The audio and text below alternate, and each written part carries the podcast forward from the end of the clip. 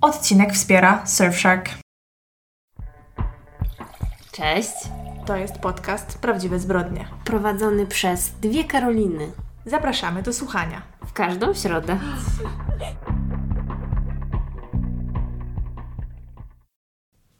No cześć. Jak tam długi weekend? Bardzo relaksująco, a jak twój? No właściwie to relaksująco nie było. Miałam dużo atrakcji, gości, dramę stomatologiczną, także dużo się działo. Ja czuję, że potrzebuję po tym weekendzie mieć urlop. No dobrze, no to w końcu chyba możemy obie powiedzieć, że byłyśmy w kinie na Oppenheimerze. No wiesz, ty byłaś w kinie, ja byłam w IMAXie.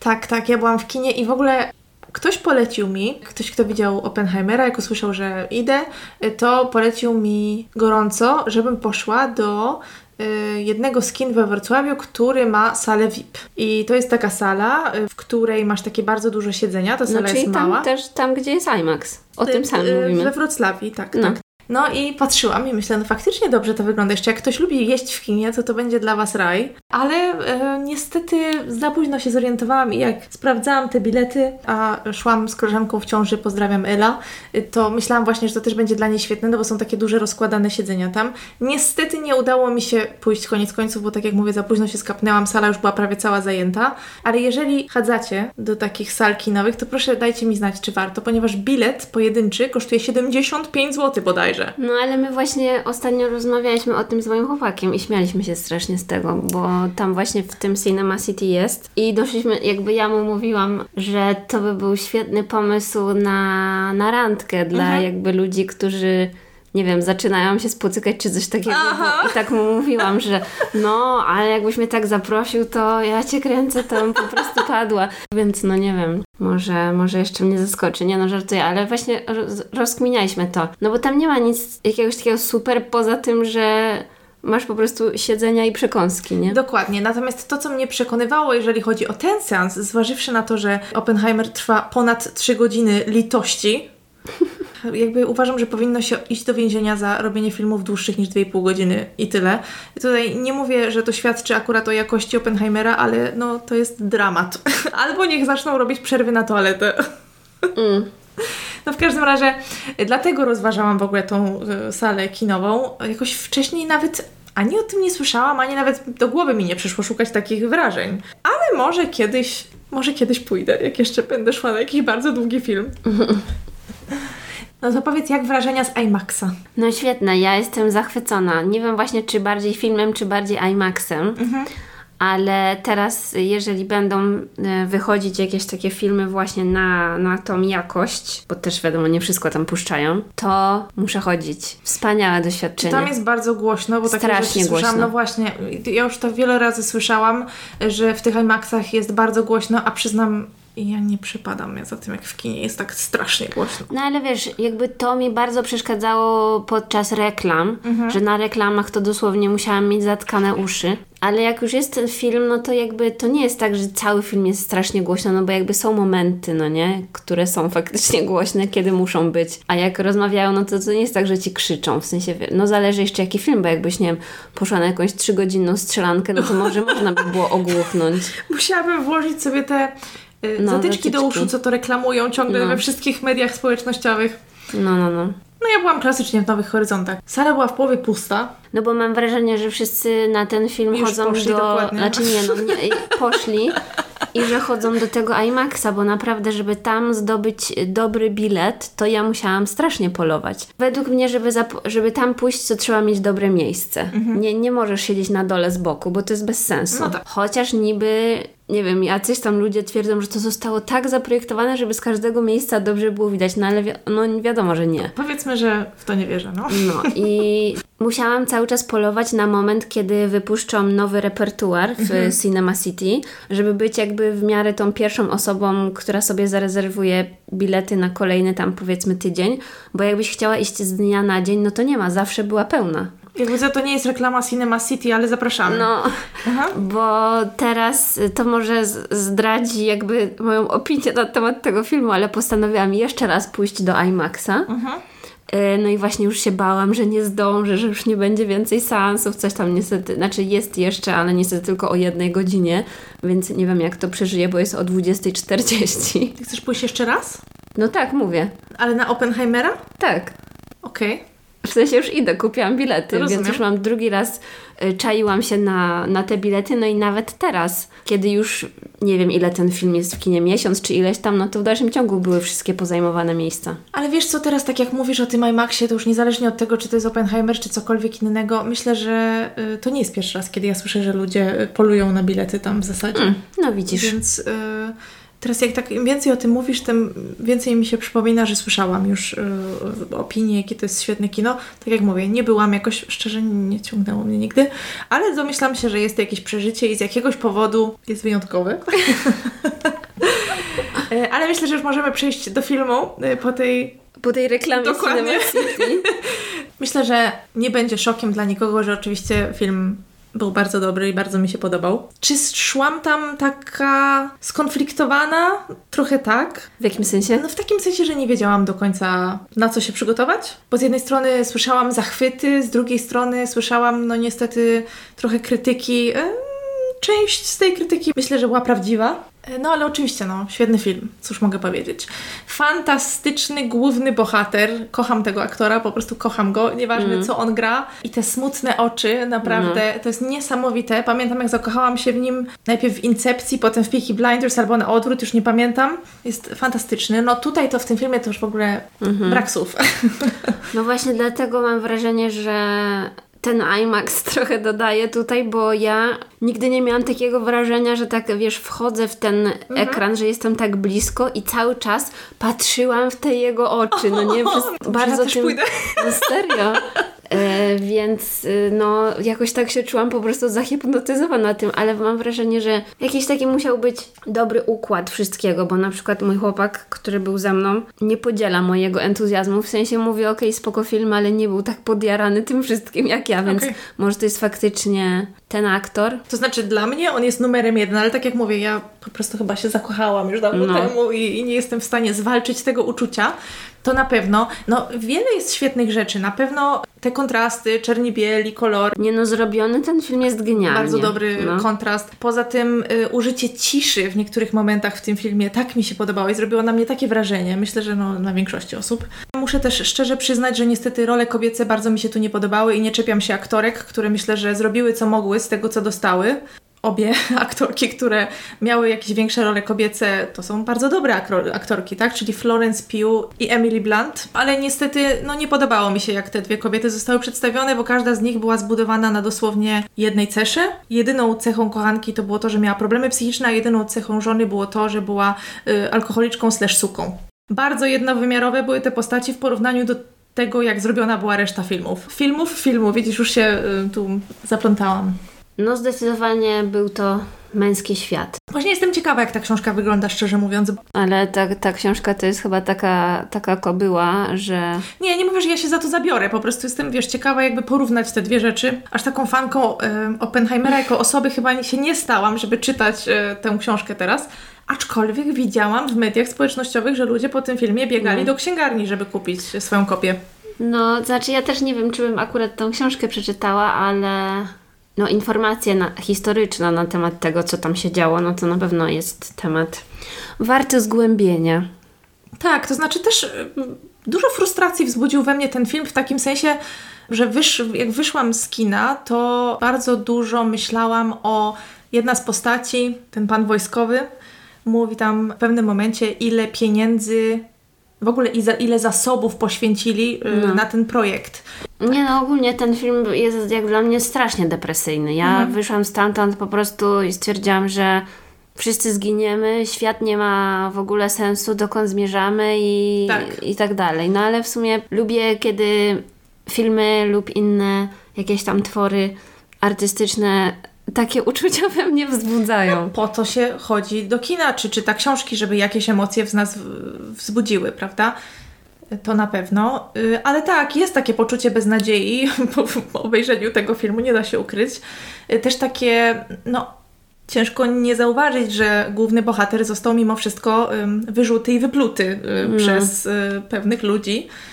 Z drugiej strony też wiadomo, to była niesamowicie skomplikowana sytuacja, ten wyścig z czasem i tak dalej, yy, zagrożenie, bla, bla, bla.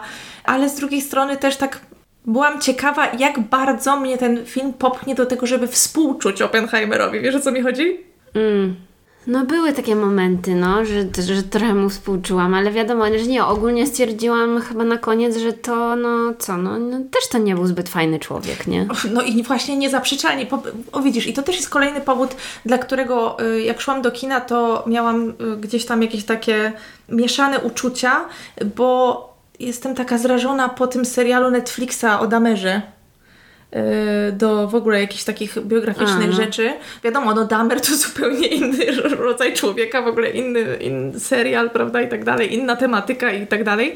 Natomiast cały czas pamiętam to takie poczucie bycia przymuszaną, żeby komuś współczuć i trochę się zastanawiałam, czy tutaj nie będzie podobnie, hmm. ale nie, nie było tak y, i myślę, że zostało to rozwiązane w bardzo dobry sposób, czyli no wzbudzało to emocje, jak widać było, jak on orientuje się, co zrobił, co się stało i sam zaczyna mieć wyrzuty sumienia, zaczyna go to dręczyć.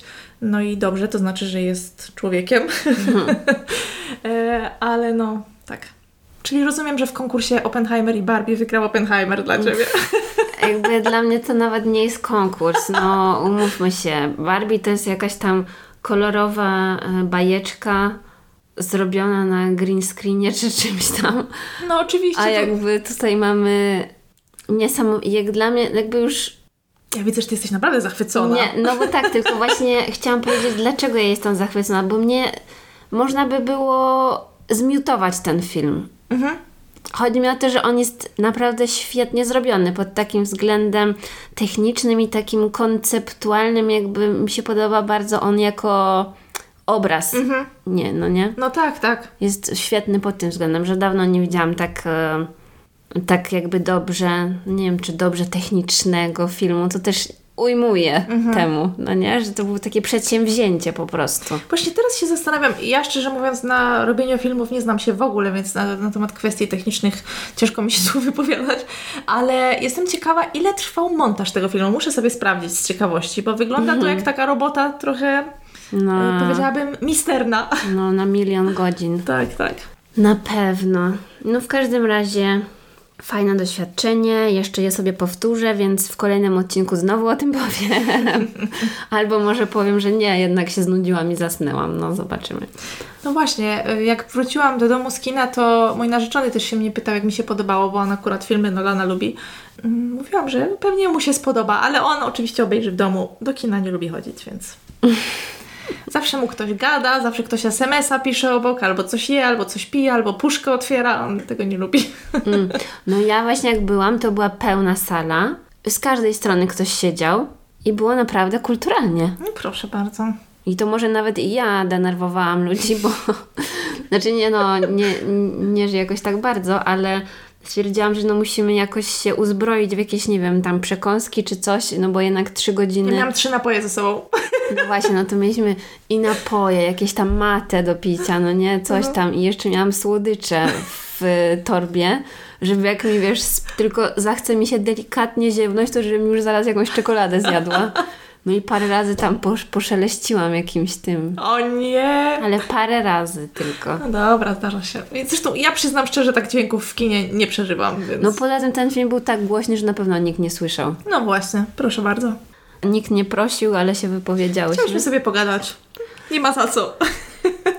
w końcu do tej wielkiej sztuki filmowej muszę powiedzieć, że e, skusiłam się na nowy streaming mhm. E, Sky Showtime. Okej, okay, złamałaś się.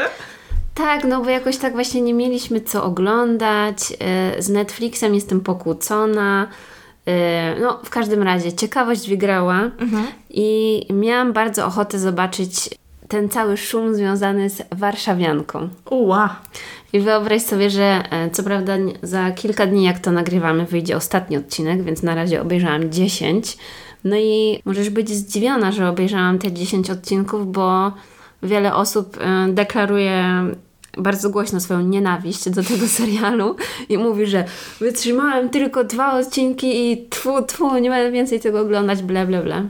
No, e, wiadomo, Fabuła tego e, serialu nie jest w żadnym stopniu porywająca, ponieważ jest to e, Californication, nie wiem, tam 2.0 wersja w Polsce. E, więc ogólnie no duży cringe jest z tym związany, że jakby troszeczkę jest mi wstyd, że, że oglądam serial o 40-letnim facecie z problemami, na którego każda po prostu dziewczyna, która go zobaczy tylko na ulicy, to już mu wskakuje do łóżka, bo on jest tak niesamowity. Okej. Okay. To jest straszny, to jest straszny cringe. No i jakoś tak się prześlizguje przez to życie, wiadomo, ale więc jakby fabuła, no to cóż można powiedzieć, no wiecie jak jest. Ale chciałam powiedzieć, że bardzo mi się podoba, jak jest ten serial zrobiony właśnie pod względami takimi technicznymi, że też jakby go wyciszyć, mhm. to można sobie popatrzeć. Byłby nawet lepszy. E, no. Nie, bo wiesz, ludzie, ludzie naprawdę wyglądają tam super. Znaczy, no dobra, Borys Szysta, jego fryzurka jest trochę przerysowana momentami, jest tak rozczochrane, że po prostu, no chyba bardziej się nie da, ale jakby fajnie jest ubrany, wszyscy tam są fajnie ubrani, wnętrza są bardzo ładnie zrobione, wiesz, scenografia, zdjęcia są bardzo ładne, takie kadry, no jakby Warszawa wygląda bardzo cool, naprawdę. Do tego spoko muzyczka, montaż spoko, także no wszystko się udało poza... No poza tym, że... Poza fabułą. Nie, no poza tym, że po prostu nie, ma, nie mamy ochoty y, oglądać y, kolejnego serialu o, o, o facecie z problemami, któremu i tak wszystko wychodzi. Ym, znaczy, no dobra, to jest w mega uproszczeniu. Ale no po prostu stwierdziłam, że, że chcę zobaczyć. O co cały szum? Tak, tak, tak. No, tak więc ewidentnie widać, że ten serial jest spóźniony trochę właśnie parę lat, no bo jednak on się tułał po tych różnych platformach. Coś tam było chyba z HBO, potem coś tam, więc jakby, mhm. no nie wiem, może faktycznie jeszcze kilka lat temu dałoby się to bardziej e, zdzierżyć, ale teraz już jesteśmy chyba za bardzo świadomi jako e, odbiorcy, żeby, żeby jednak wymagać bardziej ważkich tematów. Mhm. E, no, powiedzieć, że zachęciłaś mnie do obejrzenia tego serialu. Pewnie nie dopiszę go do swojej listy. No ale, ale słuchajcie, to jest moja rzetelna opinia. Ogląd- obejrzałam wszystkie odcinki. No. no właśnie, bardzo dobrze. Poświęciłaś się dla nas w pewnym Poświęciłam sensie. się, zapłaciłam, słuchajcie, bo Sky Showtime ma 7 dni darmowe, co jest po prostu mhm. strasznie mało. No wiadomo, dlaczego? Żeby ściągnąć z mojej karty potem 25 zł. Y- no ale parę tam jeszcze fajnych rzeczy można obejrzeć. Zaczęłam oglądać taki serial Niebezpieczne Pożądanie, czy coś takiego. To jest jakby taki remake serialowy takiego starego filmu właśnie o pod tym samym tytułem.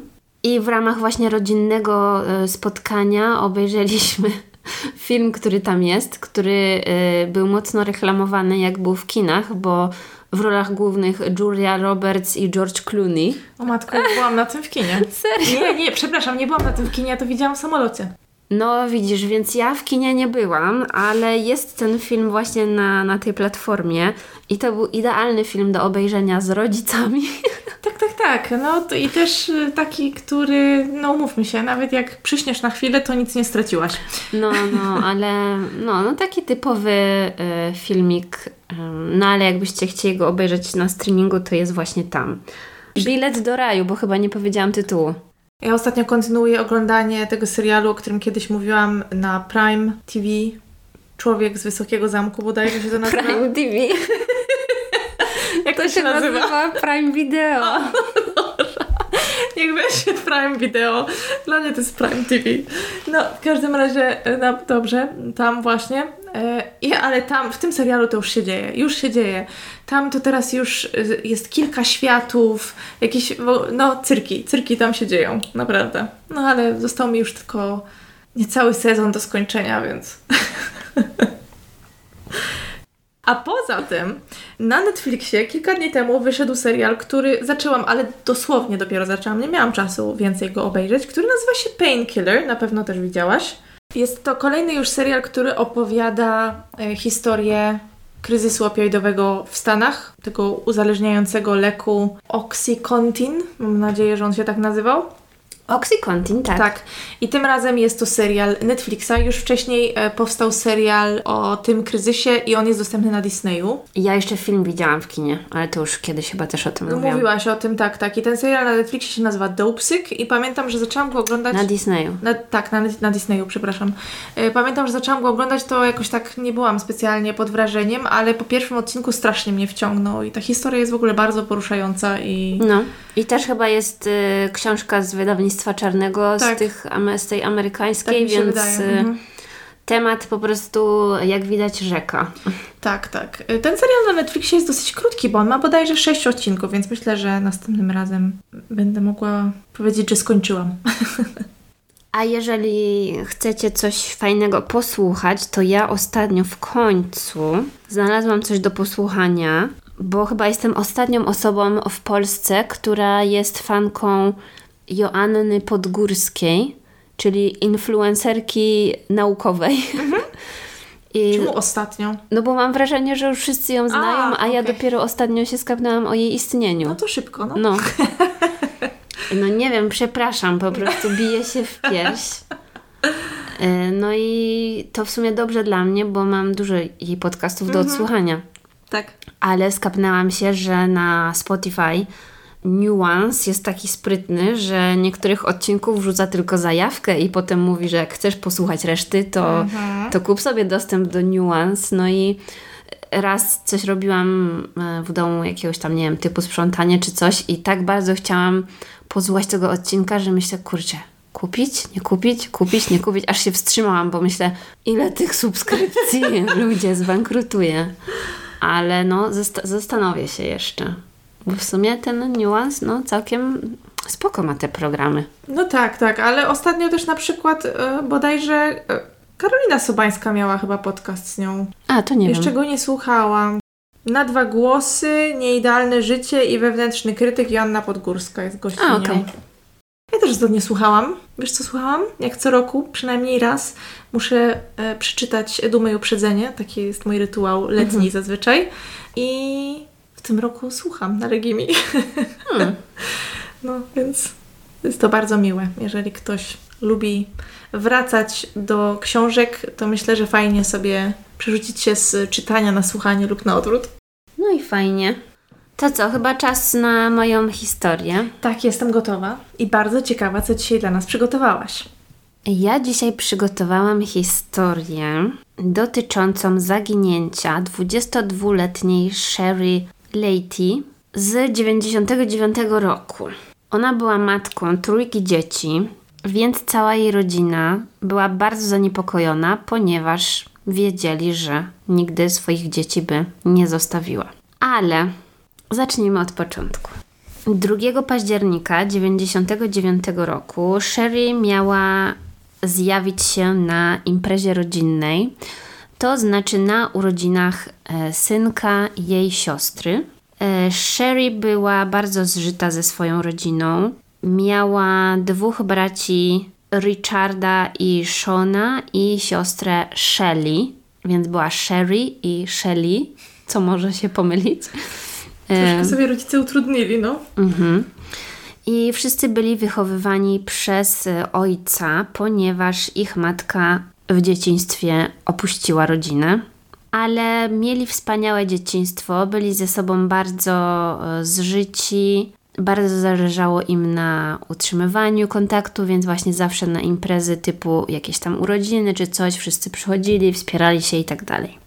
Sherry w dzieciństwie była dość nieśmiała, ale bardzo miła. Mówili, że była taką promienną, dobrą osobą, poza tym uwielbiała dzieci. Swojego męża, Arona, poznała w 91 roku, kiedy miała 14 lat, a on miał lat 17. No i od razu się e, polubili, nawet chyba za mocno. No i wiadomo, ojciec y, Sherry nie był z tego powodu zadowolony, żeby zadawała się z, ze starszym chłopakiem, no i był przeciwny temu związkowi, no ale młodzi zrobili co chcieli. I kiedy Sherry miała 15 lat, to zaszła w pierwszą ciążę. Więc już trochę wiadomo, jej życie się zmieniło, urodziła dziecko, ale w tym samym czasie też skończyła liceum. E, no i w krótkim czasie Sherry i Aaron e, mieli trójkę dzieci, a Sherry bardzo dobrze odnalazła się w roli matki, bo dzieci to był jej cały świat. Aaron z kolei pracował jako kierowca ciężarówki, więc e, bardzo często nie było go w domu. Wyjeżdżał na, na co najmniej kilka dni, czy nawet na tydzień, więc e, Sherry musiała sama zajmować się dziećmi.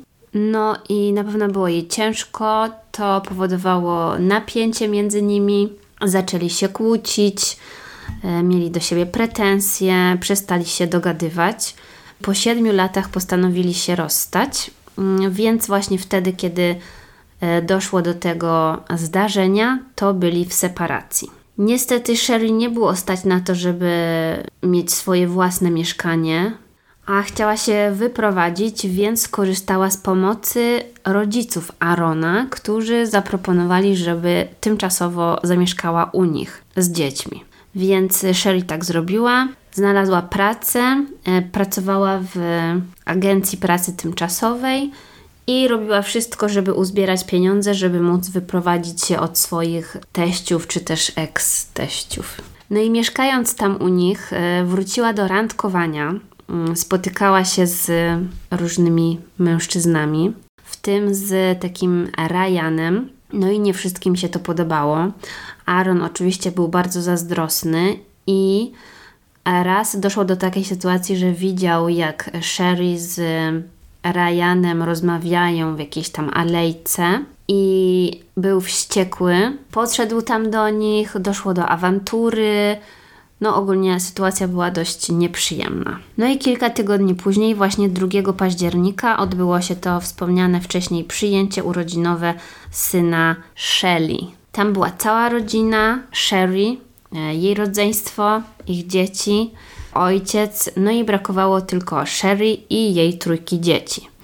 Więc e, cała rodzina czeka na nią, już mija jakiś tam czas, no to jest dosyć dziwne, że ona się nie zjawia, nie zadzwoniła, nie dała znaku, że się spóźni, czy że jej nie będzie.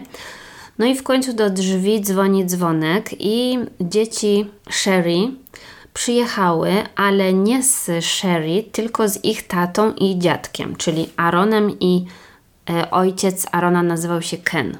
Aaron i Ken nie wiedzieli, gdzie jest Sherry, co jeszcze bardziej zaniepokoiło jej rodzinę, bo wiadomo, to nie było w jej stylu tak po prostu się nie pojawić i dodatkowo też, porzucić dzieci, no bo była umówiona, że, że je odbierze i tak dalej. No i rozmawiali o tym. Ojciec Sherry rozmawiał o tym z Kenem i z Aaronem. Aaron mówił, że w ogóle nie wie o co chodzi, a Ken zasugerował coś, jakby Sherry miała opuścić swoje dzieci, co bardzo zdenerwowało ojca Sherry, no bo nie chciał, żeby ktoś w ogóle takie rzeczy insynuował. Więc atmosfera zrobiła się napięta. Aaron i Ken wyszli no i właściwie tyle z tego było. Po jakimś czasie właśnie bliscy Sherry zaczęli się jeszcze bardziej niepokoić, więc y, próbowali jej szukać. Ojciec Sherry zadzwonił do Kena, żeby jeszcze raz porozmawiać o tym, gdzie może być Sherry, na co on powiedział, że pewnie uciekła ze swoim nowym chłopakiem do miasta Maine. Bardzo konkretna odpowiedź. E, tak, no bo chodziło o to, że właśnie ten Ryan, z którym ona się spotykała, to on e, tam mieszkał, czy stamtąd Aha. pochodził. Bliscy Sherry nie wiedzieli dokładnie o kogo chodzi, bo jak rozumiem, to była świeża sprawa. To nie jest tak, że zapoznała tego Ryana z całą swoją rodziną. Nie znali jego nazwiska, nie wiedzieli gdzie mieszka, nie mieli na niego żadnych namiarów ale zaczęli się zastanawiać, czy jeżeli faktycznie ona się z nim spotykała i z nim zniknęła, no to może być tak, że może on coś jej zrobił. No i tak minął miesiąc. W tym czasie Sherry nie wróciła do domu, nie dała znaku życia. No i jej rodzina postanowiła udać się na policję. W mieście, w którym mieszkali, to było Altuna w Pensylwanii. No, ale niestety policja nie była zbytnio pomocna. E, stwierdzili, że nie ma żadnych przesłanek do tego, żeby wnioskować, że coś jej się stało, No tak, zaginęła tylko matka trójki dzieci bez słowa. Tak o.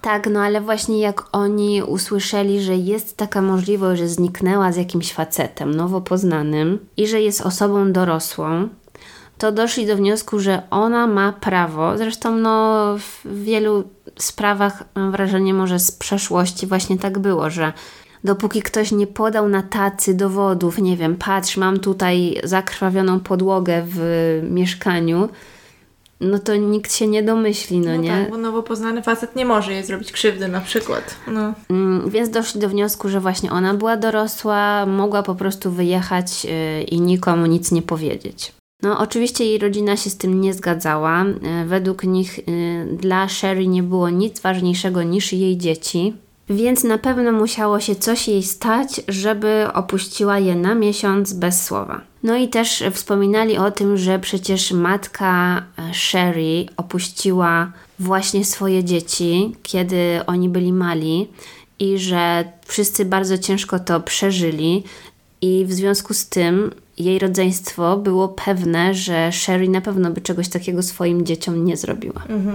Policja nawet nie chciała przyjąć zgłoszenia jej zaginięcia, żeby zrobić tam taki raport, prawda? Ale w końcu rodzina tak na nich naciskała, że właśnie w listopadzie 99 roku zgłoszono już oficjalnie jej zaginięcie, no i w związku z tym policja musiała przeprowadzić takie rutynowe śledztwo.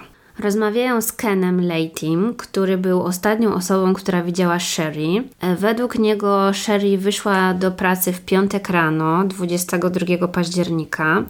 Ken właściwie ją do pracy podwiózł i wtedy ostatni raz ją widział. Nie udało się policji znaleźć w trakcie tego śledztwa nic, co wskazywałoby na to, że Sherry została gdzieś zaatakowana, czy żeby cokolwiek e, jej się stało tego dnia. W tym czasie, kiedy Sherry zniknęła, opiekę nad dziećmi przejął Aaron, co było dosyć przykre, jak wspomina rodzeństwo Sherry.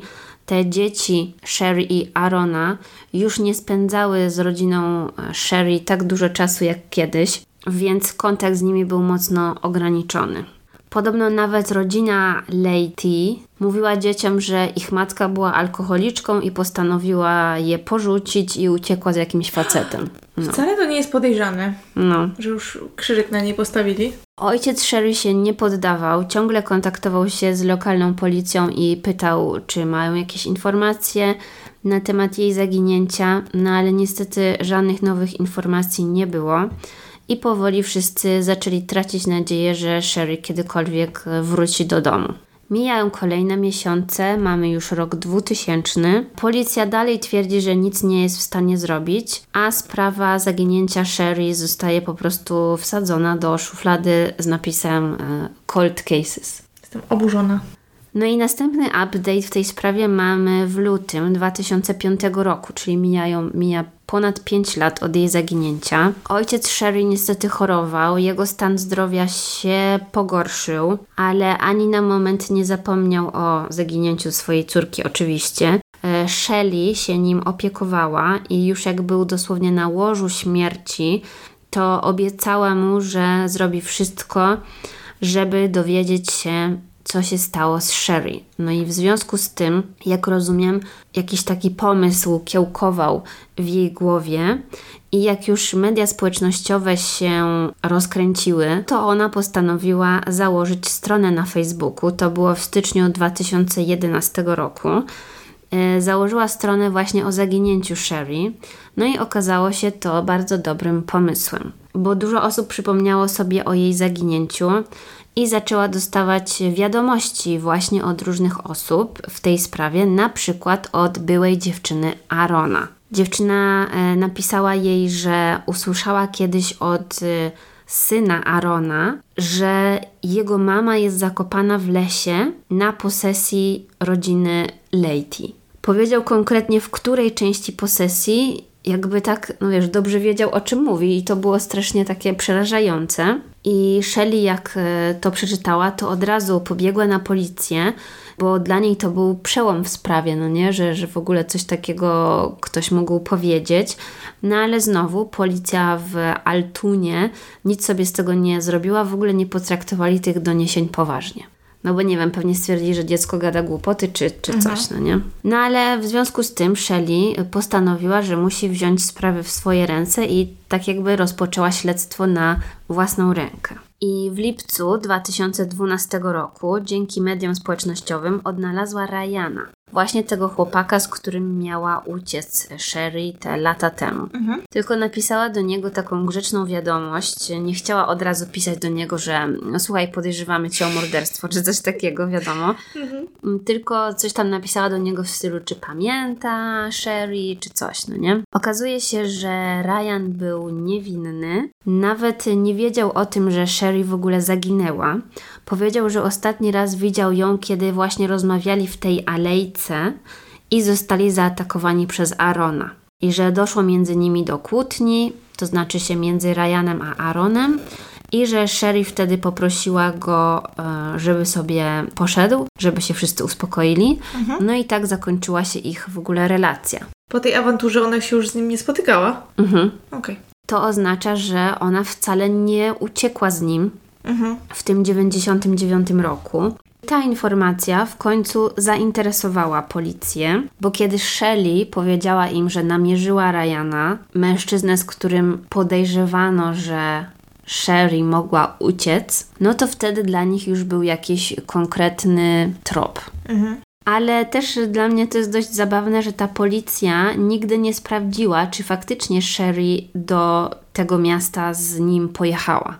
Więc no ewidentnie tam był jakiś problem z tymi funkcjonariuszami, no ale już nieważne. Więc y, teraz już mieli powód, żeby ponownie otworzyć śledztwo w sprawie zaginięcia Sherry, bo w końcu do nich dotarło, że może faktycznie ona jednak y, była ofiarą jakiegoś przestępstwa. Rychło w czas. Tak, bo to był 2012 rok, czyli no trochę 13 lat za późno. Śledztwo trwało kolejne kilka miesięcy. Rozmawiali z Aaronem. E, oczywiście on był ich pierwszym podejrzanym, no bo jako mąż, e, zwłaszcza, że mieli problemy w związku, no to jemu chcieli się przyjrzeć. Zwłaszcza, że z tego co się dowiedzieli, no to miał motyw, bo widział ją z innym mężczyzną i był zazdrosny i tak dalej. Co prawda Aaron współpracował z policją, chętnie odpowiadał na ich wszystkie pytania, no ale to nie zmienia faktu, że mógł coś jej zrobić i to nie tylko sam Aaron, ale cała jego rodzina mogła być w to zamieszana, bo właśnie takie były podejrzenia. No tak, zwłaszcza, że z tego, co mówiłaś wcześniej, to oni wypowiadali się o niej brzydko po fakcie i wcale nie starali się jej znaleźć, ani pomóc jej rodzinie w żaden sposób. Mhm. No tak, odcięli się od nich. No i po roku prowadzenia tego śledztwa policja podejrzewa, że Sherry mogła zostać zakopana na farmie należącej do rodziny Leity, która była położona w Huntington County, to niedaleko właśnie od ich e, miejscowości. Tam rodzina wybierała się na polowania. To był bardzo duży teren, taki praktycznie mieli swój własny las. Oni chcieli rozejrzeć się po tym terenie, potrzebowali zgody Kena. On początkowo się zgodził, jak e, za pierwszym razem rozmawiali, ale w ostatniej chwili postanowił się rozmyślić i powiedział, że pozwoli im wejść na swoją posesję, jeżeli będą mieć nakaz od sędziego. No i wiadomo, ta reakcja była bardzo podejrzana, no bo jeżeli by nie miał nic do ukrycia, no to zapewne by się zgodził. Policja miała już wszystko ustawione. Chcieli przeszukać teren e, z psami tropiącymi. I Już byli gotowi, no ale niestety, kiedy on się nie zgodził, no to musieli wszystko odwołać.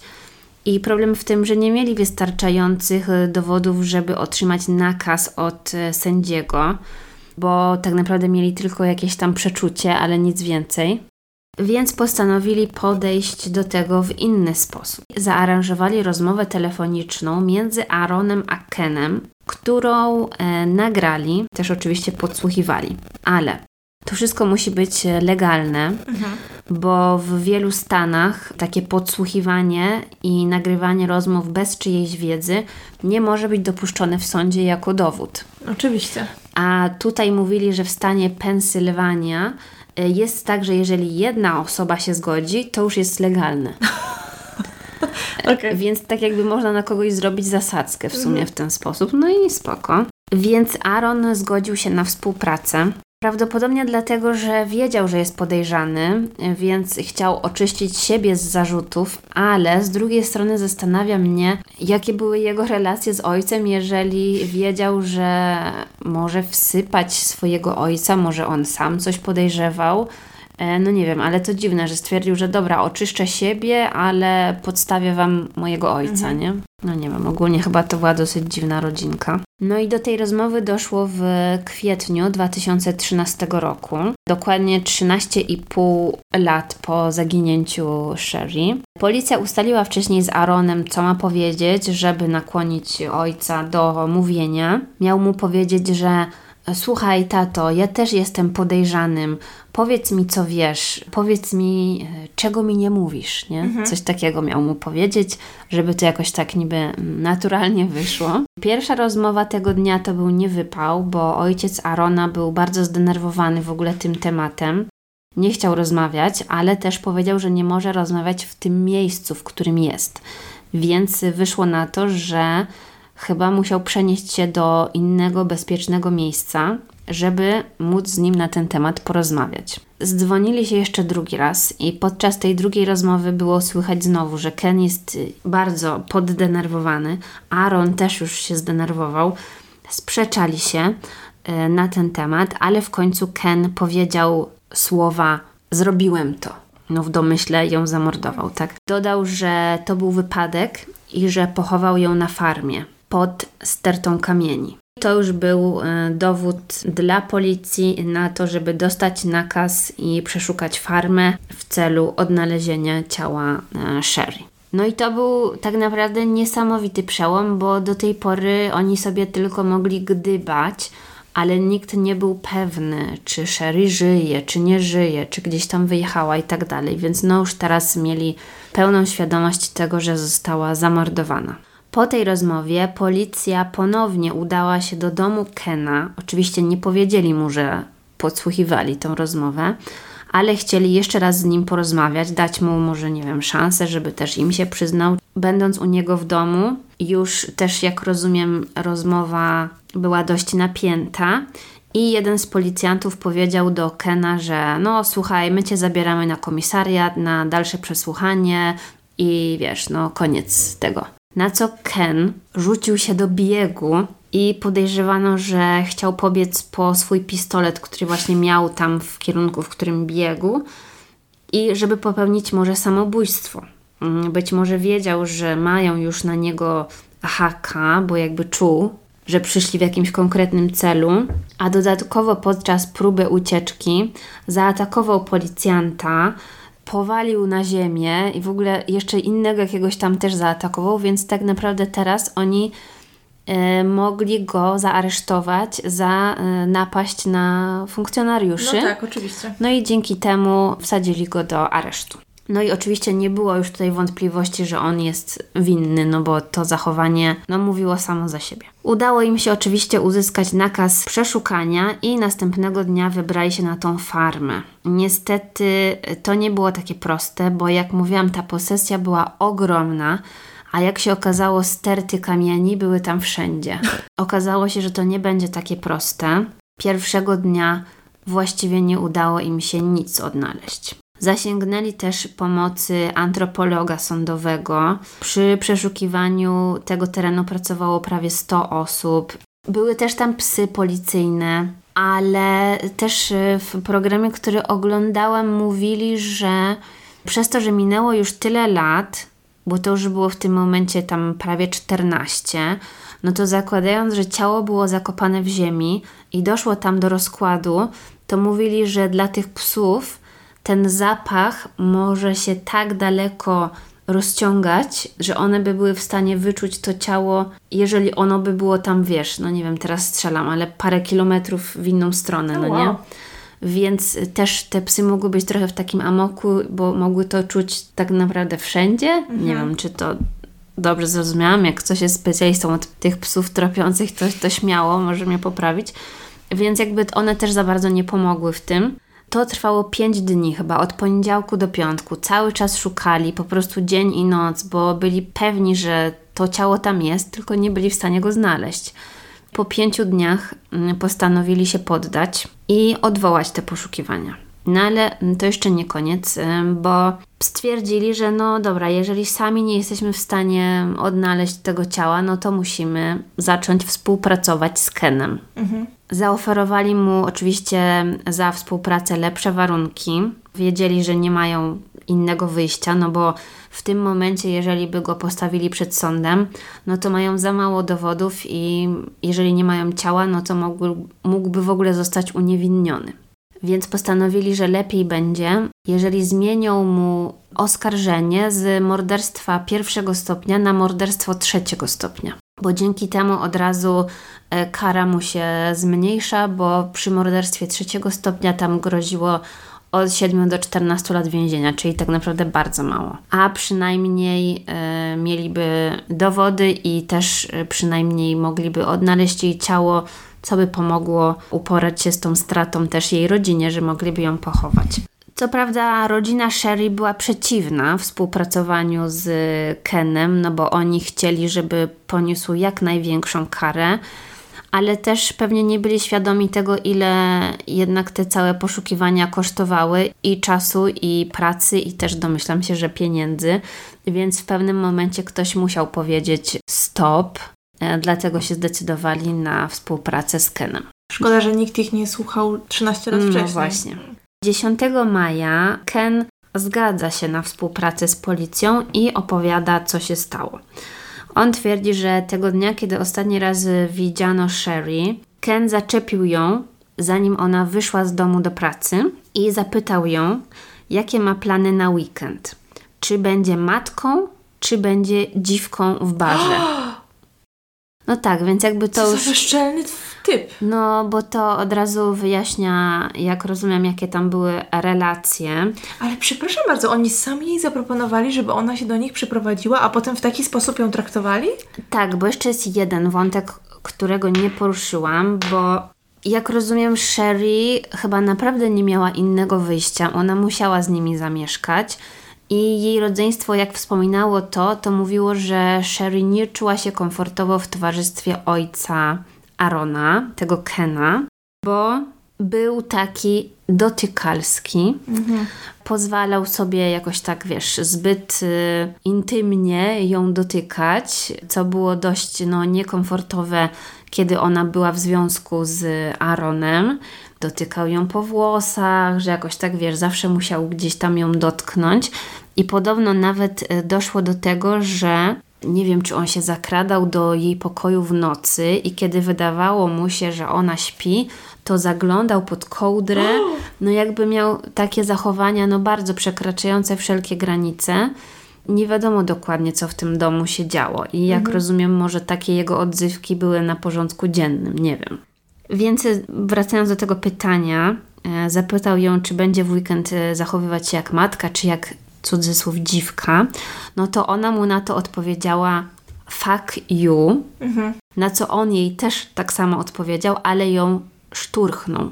A tak naprawdę wcale ją nie szturchnął, tylko ją mocno popchnął, tak że oni już musieli być przed domem, że ona według niego uderzyła głową w samochodowe lusterko i upadła na chodnik, e, ponieważ w związku z tym chyba straciła przytomność. Więc on, jak to zobaczył, to spanikował i postanowił zabrać ją do samochodu. Jak rozumiem, musiała być już nieprzytomna. Czy on myślał, że ona jest martwa? Nie wiem, bo jakby w sumie szczegółów takich nie, nie mówił. I postanowił wywieźć jej ciało na farmę. E, w końcu e, zaprowadził policję właśnie w to miejsce, w którym ją pochował na farmie, więc udało im się w końcu to ciało odnaleźć 11 maja. Dzięki temu policja mogła przeprowadzić badania szczątków y, jej ciała, żeby znaleźć dowody na to, czy Ken mówi prawdę, czy nie. I według sekcji zwłok musiało dojść do jakiegoś uderzenia, bardzo mocnego uderzenia głowy, ale z tego, co się wypowiadał właśnie ten um, antropolog sądowy, to wydawało im się, z tego co widzieli, że na, na czaszce był ślad od bardzo mocnego uderzenia jakimś tępym narzędziem. I on powiedział, że to musiało być coś w stylu na przykład kija baseballowego. Bo tak to tłumaczyli, że jakby z jednej strony ta czaszka była taka no roztrzaskana i że tak jakby ta siła poszła też na drugą stronę czaszki, że no nie wiem, to było bardzo, bardzo mocne uderzenie, więc y, wywnioskowali, że ta historia Kena o tym, że ona upadła na ziemię, no to nie za bardzo się to trzyma kupy, no bo no za mało siły by w tym było, prawda? Więc już z tymi informacjami z powrotem skonfrontowali Kena, no i on stwierdził, że coś mu się jednak przypomniało, że chyba ją czymś uderzył, ale że już nie pamięta. No niestety więcej informacji właściwie od niego nie udało się uzyskać. W lutym 2014 roku doszło do procesu. Ken oczywiście e, został uznany za winnego, no i skazany na pozbawienie wolności od 7 do 14 lat. On przyznał się do winy, no bo to też była część jego ugody. Oczywiście podczas procesu mówiono, że nie dość, że zamordował Sherry, to jeszcze skazał na 14 lat cierpienia całą jej rodzinę, no i oczywiście dzieci. I rodzina Sherry bardzo mocno walczyła i właściwie dalej walczy, żeby on nie wyszedł z więzienia. Bo te 7 lat e, szybko minęło i już w 2020 roku Ken mógł zacząć ubiegać się o zwolnienie warunkowe. Właśnie Shelley wystąpiła na przesłuchaniu w sprawie zwolnienia warunkowego. Założyła też petycję w internecie i zbiera podpisy, e, żeby go nie wypuścili z więzienia. Więc jej rodzina naprawdę poświęciła się temu, żeby no, najpierw ją odnaleźć, a teraz, żeby walczyć o jakby sprawiedliwość dla niej. Więc bardzo przykra historia, w sensie wiadomo, każda jest przykra, ale tutaj widać, jak mocno dotknęła właśnie całą jej rodzinę. Ciężko uwierzyć, że tak dużo osób miało to gdzieś. No tak, w jednym sensie. Z jednej strony dużo osób miało to gdzieś, a z drugiej strony dużo osób właśnie walczyło, żeby, żeby to zmienić. No, oczywiście i najbliżsi. Szkoda tylko, że tak u innych nie mogli znaleźć jakiegoś, nie wiem, wsparcia. No, Mam nadzieję, że teraz wygląda to trochę inaczej. Hej Karolina, co tam oglądasz ostatnio ciekawego na platformach streamingowych? Bo ja mam wrażenie, że obejrzałam już wszystko, co jest dostępne w Polsce. Hmm, a widzisz, to może powinnaś skorzystać z Surfshark VPN i sprawdzić, co jest dostępne na platformach w innych krajach. Surfshark VPN? A co to takiego? VPN zapewnia bezpieczeństwo i prywatność, ukrywając wszystko, co robisz online. Możesz pobrać go na swój komputer, a nawet telefon, żeby zawsze korzystać z prywatnego połączenia. A co najważniejsze, VPN ukrywa Twoją lokalizację, przez co nie jesteś śledzona i korzystasz z internetu bez ograniczeń. No dobra, dobra, ale co to ma wspólnego z serialami? A to, że za pomocą jednego kliknięcia możesz przenieść się do Londynu czy Nowego Jorku i sprawdzić bibliotekę filmów i seriali dostępnych tylko tam. A, brzmi super, chętnie spróbuję. Skorzystaj ze specjalnej oferty. Pobierz Surfshark VPN na stronie surfshark.deals ukośnik zbrodnia. Wprowadź kod zniżkowy zbrodnia, aby otrzymać 3 dodatkowe miesiące za darmo.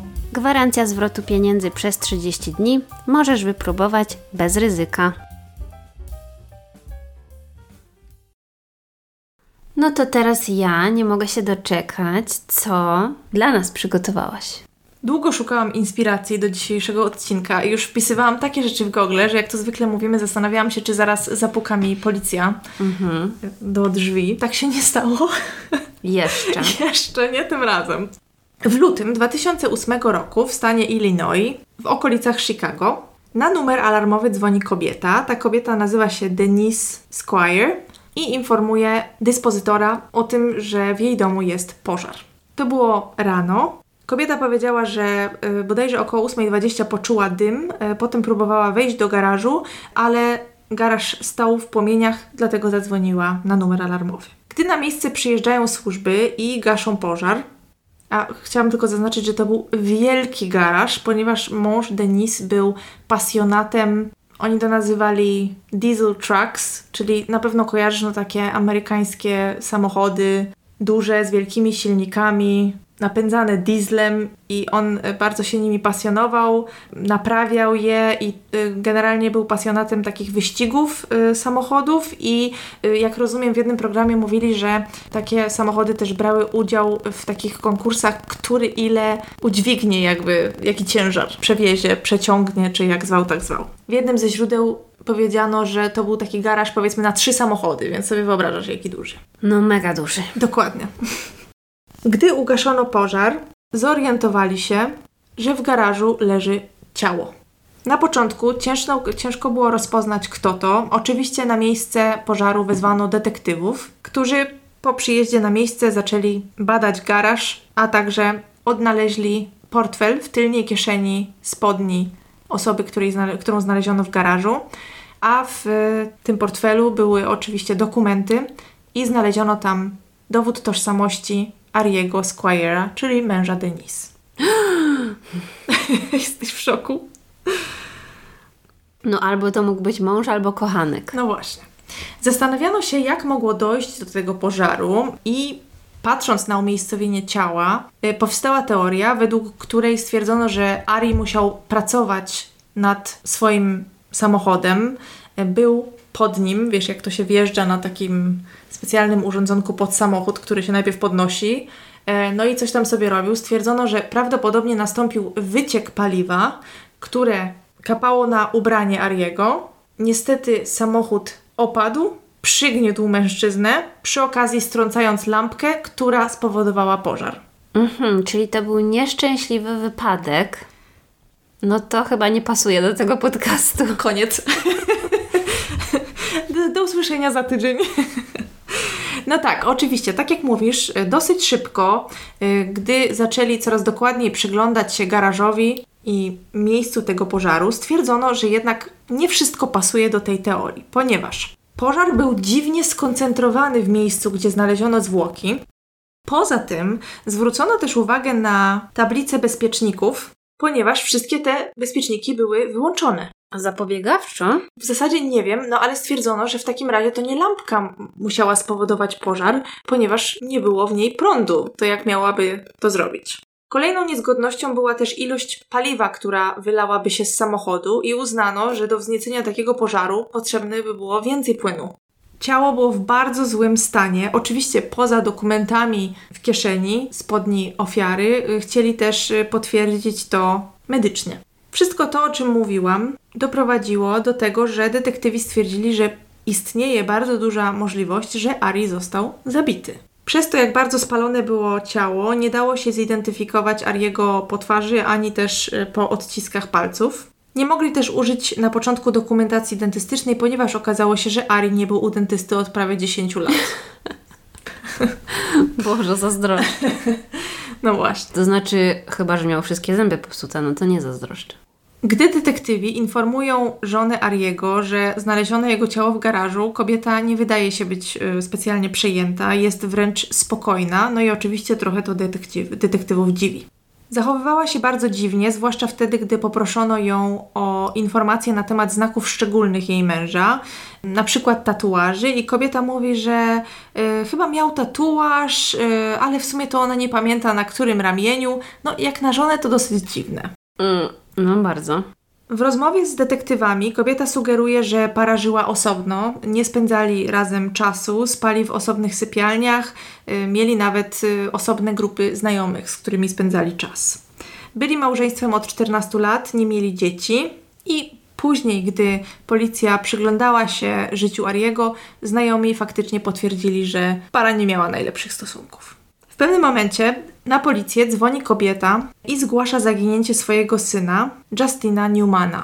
Justin e, ma 20 lat i 23 lutego wyszedł z domu w sprawie pracy i obiecał matce, że będzie w domu z powrotem około 3.30, żeby zawieźć ją do pracy, bo tak zazwyczaj robił. Niestety nie wrócił, nie odzywał się. Odezwał się dopiero następnego dnia i to napisał do matki SMS-a, że pojechał do Missouri pracować i zadzwoni kiedyś tam. Mhm. Było to do niego niepodobne, ponieważ zawsze do niej dzwonił, informował i według niej po prostu by się tak nie zachował.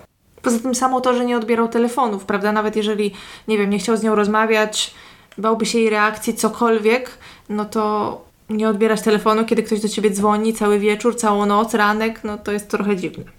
Kobieta informuje policję, że miał pojechać na spotkanie w sprawie pracy. W tamtym momencie jej syn pracował e, w Home Depot, czyli takim sklepie, gdzie sprzedają różne rzeczy do remontów i tak dalej. I jeden z klientów e, tego sklepu, właściciel e, czy też współwłaściciel e, firmy remontowej, firmy budowlanej, zaproponował mu pracę, powiedział, że może przyjść do niego do firmy, poduczyć się trochę i na początek zaproponował mu 15 dolarów. Wtedy miał pojechać do niego właśnie odebrać bodajże jakieś narzędzia i ustalić szczegóły.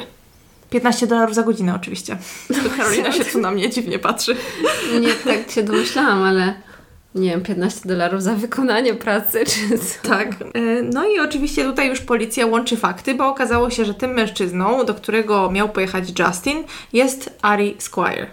Ari poza swoją pasją, e, czyli samochodami, prowadził firmę budowlaną właśnie i był klientem Home Depot. No to wszystko się zazębia. No właśnie, wychodzi na to, że prawdopodobnie Justin był ostatnią osobą, która widziała Ariego a teraz Ari nie żyje, a Justin zniknął. Co najmniej dziwne. Policja oczywiście zaczyna szukać Justina czy jego samochodu i zastanawiają się, czy Justin miał może coś wspólnego ze śmiercią Ariego. W toku śledztwa stwierdzono, że dosyć łatwo byłoby opuścić samochód na leżącego pod nim Ariego i e, dziwnym było to, że Ari nie użył żadnych zabezpieczeń. Gdy ciało Ariego znajduje się w zakładzie koronerskim, jego żona Denise dzwoni tam wielokrotnie, prosząc o jak najszybsze wydanie jej ciała. Aha. Jak rozumiem, ona planowała wtedy mm, imprezę, która miała y, celebrować życie jej męża i oczywiście chciała to ciało poddać kremacji. Hmm. No właśnie.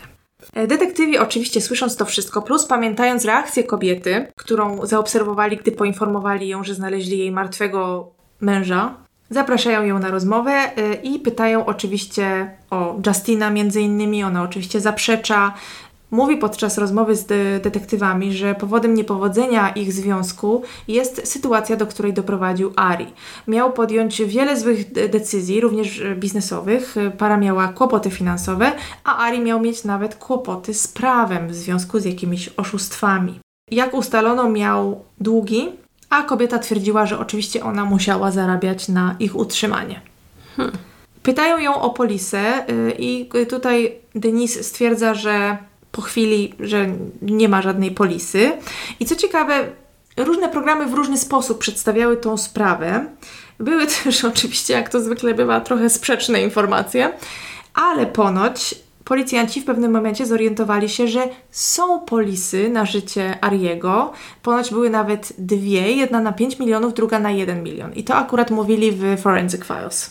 Czyli co, ona zapomniała? Może nie wiedziała na przykład. W ogóle kontakt z żoną Ariego był dosyć trudny ponoć, to znaczy po prostu ciężko się z nią rozmawiało najzwyczajniej w świecie. Oczywiście pozwalają jej iść do domu, no ale mają takie poczucie, że ewidentnie coś przed nimi ukrywa. I wyobraź sobie, że w Forensic Files na temat tej sprawy opowiadają, że jedna z osób pracująca nad tą sprawą w domu miała natrafić przez przypadek na stary odcinek Forensic Files, który co, jakby i to była sprawa, która bardzo przypominała tą, nad którą pracują, bo tam też chodziło o pożar i to był y, samochód, który spłonął, a w środku ktoś był. Hmm. I to była sprawa, w której mężczyzna sfingował własną śmierć dla polisy. Mhm. Ale to, co zwróciło uwagę tej osoby, to chyba właśnie to, jak ten pożar wyglądał, bo był jednak zbliżony do tego, co zastali w garażu. Tak jak wspomniałam, yy, chcieli potwierdzić tożsamość Ariego również za pomocą testów medycznych i udało im się odnaleźć osobę, która zajmowała się zębami Ariego przed tymi dziesięcioma laty. Trochę podzwonili i zdobyli kontakt. No niestety nie było tam zdjęć rentgenowskich jego zębów, ale y, z dokumentacji dentystycznej wynikało, że Ari miał zrobione dosyć duże wypełnienie w jednym z dolnych zębów i oczywiście porównali to z zębami osoby znalezionej w garażu państwa Squire i okazało się, że nie jest to Ari. O, a to kto? No nie wiadomo. A pewnie ten młody? Może. Hmm. Tak jak mówiłam, policja coraz poszukiwała Justina yy, albo chociaż jego samochodu i w pewnym momencie już rozszerzyli swoje poszukiwania, to znaczy wpisali jego dane i informacje na temat jego samochodu do takiej międzynarodowej bazy, która służy właśnie do poszukiwania osób. Kilka dni później detektywi z Lake County otrzymują telefon od policjanta z miejsca, które się nazywa Eureka w Missouri, który zauważył dziwny samochód pod lokalnym motelem. Dlaczego w ogóle zwrócił uwagę na ten samochód? Ano dlatego, że widział, że rejestracja na tym samochodzie jest tak jakby przekrzywiona. Postanowił więc sprawdzić numery rejestracyjne tego samochodu i okazało się, że jest on poszukiwany przez policję z Lake County właśnie. A w zasadzie to chyba było biuro szeryfa. Policjant wtedy wszedł do tego motelu, poszedł do recepcji i zobaczył, że w motelu zameldowany jest Justin Newman. Wtedy właśnie skontaktował się z biurem szeryfa w Lake County, gdzie opowiadają mu, że chłopak jest poszukiwany i przybliżają mu całą sytuację. Oczywiście mężczyzna wie, że potencjalnie to może być uciekinier, czyli no niebezpieczna sytuacja, dlatego y, też czeka na wsparcie. Potem udają się do pokoju, w którym zameldowany jest Justin Newman, e, pukają, natomiast brak jakiejkolwiek odpowiedzi. Gdy zabierają się, e, żeby wejść do tego pokoju, nagle słychać strzały. Później to ustało, e, no i udaje im się wejść do środka, a gdy weszli do środka, to zastali mężczyznę leżącego na łóżku. Niestety obok niego leżała broń. Oczywiście rozejrzeli się dookoła, ale stwierdzili, że nie mogło być mowy o żadnej innej osobie, która miała strzelać. No poza tym wiadomo, ułożenie ciała i tak dalej. Uznano, że rana postrzałowa została zadana przez tego mężczyznę, który leżał na łóżku, czyli po prostu ta osoba popełniła samobójstwo. Mhm. Gdy policjant sprawdza dokumenty znalezione w pokoju, no to faktycznie są to dokumenty wystawione na Justina Newmana. Problem tylko, że mimo to, że kolor oczu i kolor włosów się zgadza, to mężczyzna leżący na łóżku wydaje się być sporo starszy. Policjant pyta znowu detektywów z Lake County, czy Justin miał jakieś znaki szczególne, jakieś tatuaże. Mówią, że owszem, miał tatuaż na przedramieniu. I gdy sprawdzają mężczyznę znalezionego w pokoju, okazuje się, że on nie ma takiego tatuażu. Ale przypomnę, że Ari Squire również miał tatuaż, flagę amerykańską na ramieniu i taki tatuaż już znajdują. Mm -hmm. Poza tym w pokoju znajdują też farbę do włosów, a y, także okazuje się, że Ari miał soczewki niebieskie. No to tak się przygotował po to, żeby się zabić? Dziwne. Gdy policjant dostaje zdjęcie Ariego, no to już wie, że dokładnie tego mężczyznę znalazł w motelowym pokoju. W takim razie, czy ciało znalezione w garażu rodziny Squire należy do Justina? No, na to by wyglądało. No ale oczywiście trzeba to wszystko sprawdzić. Mieli wcześniej już pobraną próbkę DNA od mamy Justina. Poza tym, jak rozumiem, pobrali też próbkę DNA z jego szczoteczki do zębów, zabranej e, z jego domu rodzinnego i wysłano to do badania, żeby porównać z DNA ciała, e, które wcześniej badał koroner. No i faktycznie okazuje się, że spalone ciało z garażu zostaje zidentyfikowane jako Justin Newman. A jak w ogóle zapomniałam wcześniej o tym powiedzieć, że za przyczynę śmierci tej osoby, którą znaleziono w garażu, już teraz wiemy, że był to Justin, uznają po prostu uduszenie, to znaczy to auto na niego spadło i on umarł w zasadzie natychmiast. W jednym ze źródeł mówili, że serce mu rozerwało. Mm.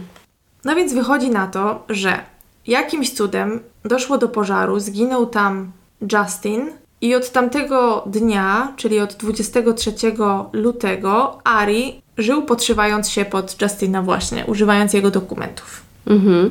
Detektywi mówią o wszystkim żonie Ariego, no i tym razem jej reakcja jest zupełnie inna. Kobieta jest w szoku, zaczyna nawet płakać. I tak jak mówię, no jest to w kontraście do jej reakcji z tego, jak pierwszy raz usłyszała o tym, że ktoś mhm. leży w jej garażu. Rozumiem, czyli po prostu ona wiedziała, że za pierwszym razem to nie jest jej mąż. Tak, troszkę ją tam detektywi przyciskają i Denise przyznaje, że faktycznie znalazła polisę ubezpieczeniową, wspomina o polisie na 5 milionów i że ona była beneficjentem, ale ona twierdzi, że nie powiedziała o polisie y, policji, ponieważ bała się, że będzie miała kłopoty, że to będzie w jakiś sposób źle o niej świadczyć. A teraz nie ma już kłopotów. No właśnie. E, no i teraz pojawia się pytanie, no po co Ari miał sfingować własną śmierć, jak do tego wszystkiego doszło? Najprawdopodobniejszą wersją jest to, że zrobił to oczywiście dla pieniędzy. Ponoć jego polisa była dosyć droga, on oczywiście nie miał pieniędzy, nie miał pieniędzy na to, żeby płacić te składki, a one miały jeszcze wzrosnąć, bo y, Ari miał wkrótce skończyć 40 lat, jak rozumiem. Nie wiem, czy tutaj wiek konkretnie miał na to wpływ, czy po prostu chodziło o to, że, że były podwyżki, y, natomiast ewidentnie nie miał pieniędzy, żeby płacić te składki, a pieniądze były mu potrzebne. Poza tym w toku śledztwa detektywi dowiadują się, że firma, y, której współwłaścicielem był Ari, radziła sobie bardzo źle. Y, boom na którym wcześniej zarabiali, minął. Y, mieli jakąś inwestycję, która niestety była fiaskiem i, jak rozumiem, groziła im upadłość. A wyobraź sobie jeszcze a propos tej mamy Justina, która dzwoniła na policję, żeby zgłosić zaginięcie jej syna, że ona, zanim zadzwoniła na policję, martwiła się o swojego syna i zadzwoniła do pracy Justina do tego sklepu. E, no i tam zapytała się, czy ktoś wie coś o tym Missouri, o tej pracy u niejakiego Ariego. No i tam powiedziano jej, a co ty nie słyszałaś? Ari zginął wczoraj.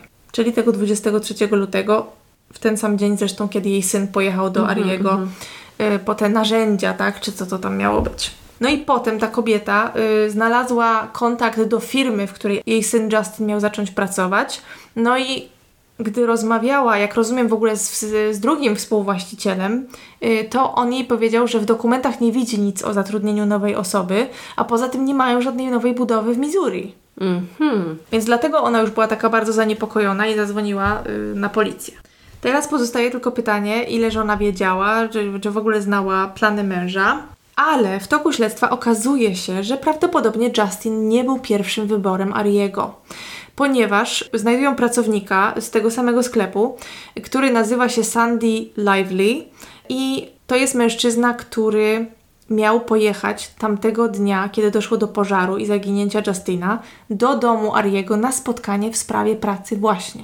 Hmm. On z zawodu był nie chcę teraz skłamać, bodajże stolarzem i Ari również proponował mu pracę, ponoć wiele razy do niego dzwonił i namawiał go do tej pracy. Oczywiście Mężczyzna nawet się cieszył, ale tamtego dnia zaspał, ponieważ dzień wcześniej jego córka miała imprezę urodzinową, no i po prostu siedział chyba do późna, czy do późna się zajmował tam dziećmi i yy, następnego dnia zaspał i na tym spotkaniu się nie stawił. No i wyobraź sobie, w jakim on był szoku, mhm. kiedy okazało się to, co się okazało. Poza tym zbadano też ubrania ciała znalezionego w garażu, czyli Justina. No i stwierdzono, że było to inne paliwo niż to, które było w samochodzie. Hmm. E, no i to też tłumaczyłoby to, że było go więcej, no, czyli ktoś po prostu na ciało wylał to paliwo, a następnie podpalił, ustalili, że była to prawdopodobnie zapałka, a nie żadna lampka. E, no i tutaj detektywi podejrzewają, że e, Justin przyjechał na spotkanie, był w tym garażu. Wtedy Ari jakimś cudem doprowadził do tego, że chłopak stracił przytomność. W jednym z źródeł mówili, że możliwe, że użył na przykład chloroformu, bo nie, nie miał żadnych śladów uderzeń. I wtedy rozebrał chłopaka, założył mu swoje ubrania, on ubrał się w ubrania chłopaka, zamienił portfele, wepchnął go pod ten samochód, spuścił na niego auto, a następnie podpalił. Hmm, to okrutnie. No bardzo. Zwłaszcza, że ten chłopak ponoć tak się cieszył i on w ogóle od 15 roku życia pomagał matce utrzymywać. On chyba miał jeszcze brata jednego. Myślał pewnie, że to odmieni jego życie, że nauczy się nowego zawodu, a ktoś mu zrobił coś takiego. Co ciekawe, wyobraź sobie, że detektywi znaleźli też maile, które Ari po pożarze wysyłał do swojej żony. Aha.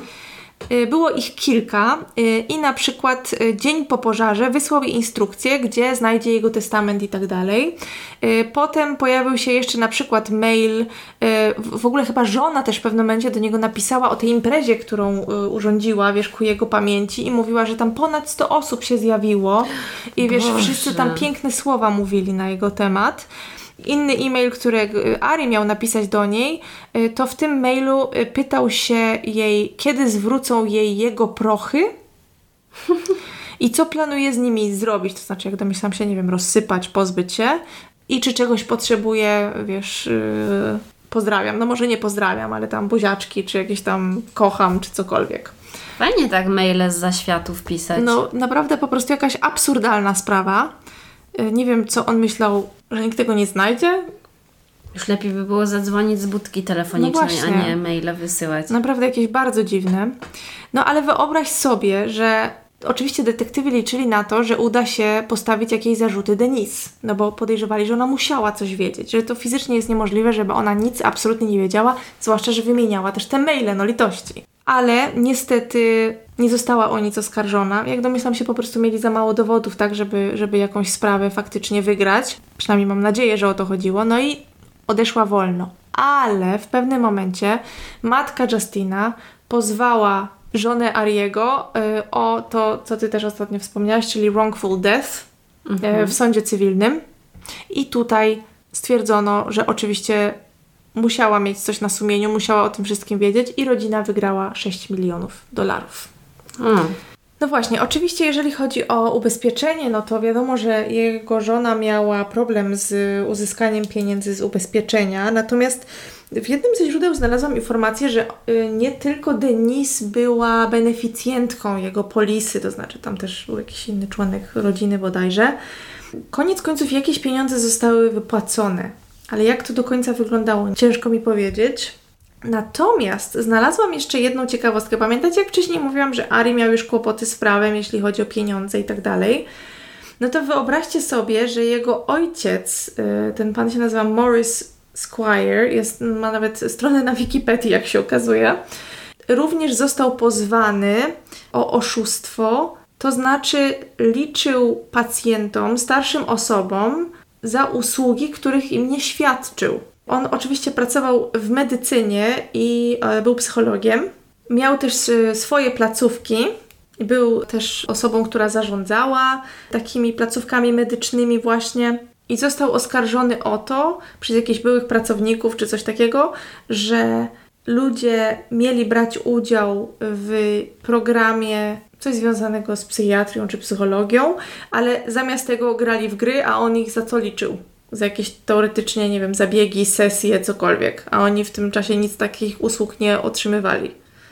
A to byli starsi, schorowani ludzie, jak rozumiem, bo to było, wiesz, to były osoby, y, które mieszkały w takich ośrodkach pomocy, tak, dla starszych osób, które nie mhm. są w stanie same się sobą zająć i tak dalej.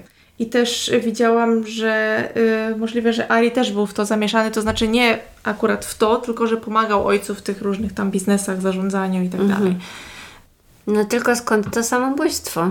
No, prawdopodobnie po prostu wiedział, że już nic więcej nie wymyśli, nie wykpi się z tego, co zrobił. Zamordował chłopaka, usłyszał, że policja do niego przyszła, wiedział, wiedział że pewnie już wszystko wiedzą, a jeżeli nie, to zaraz się dowiedzą. Jego życie się skończy. To znaczy, wiesz, w ogóle sam ten powód.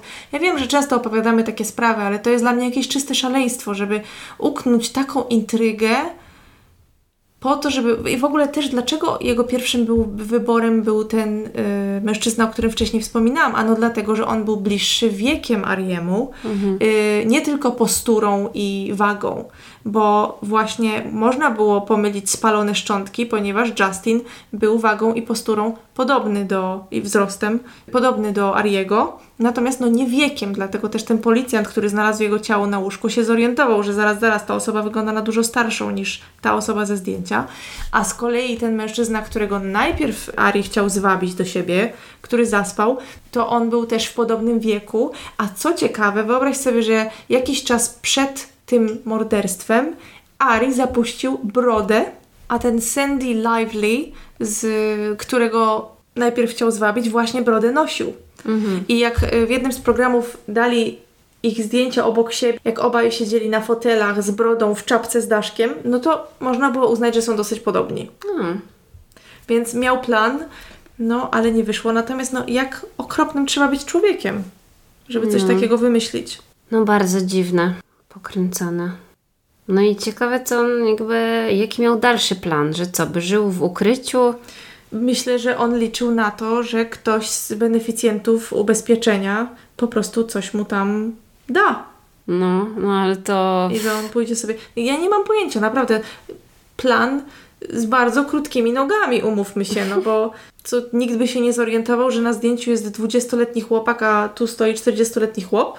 Przepraszam, tracący już włosy i farbujący je, no to nie trzeba być geniuszem, żeby zauważyć takie rzeczy, prawda? Mhm. No przykre. No dobrze. To na dzisiaj już kończymy. Dziękujemy za uwagę.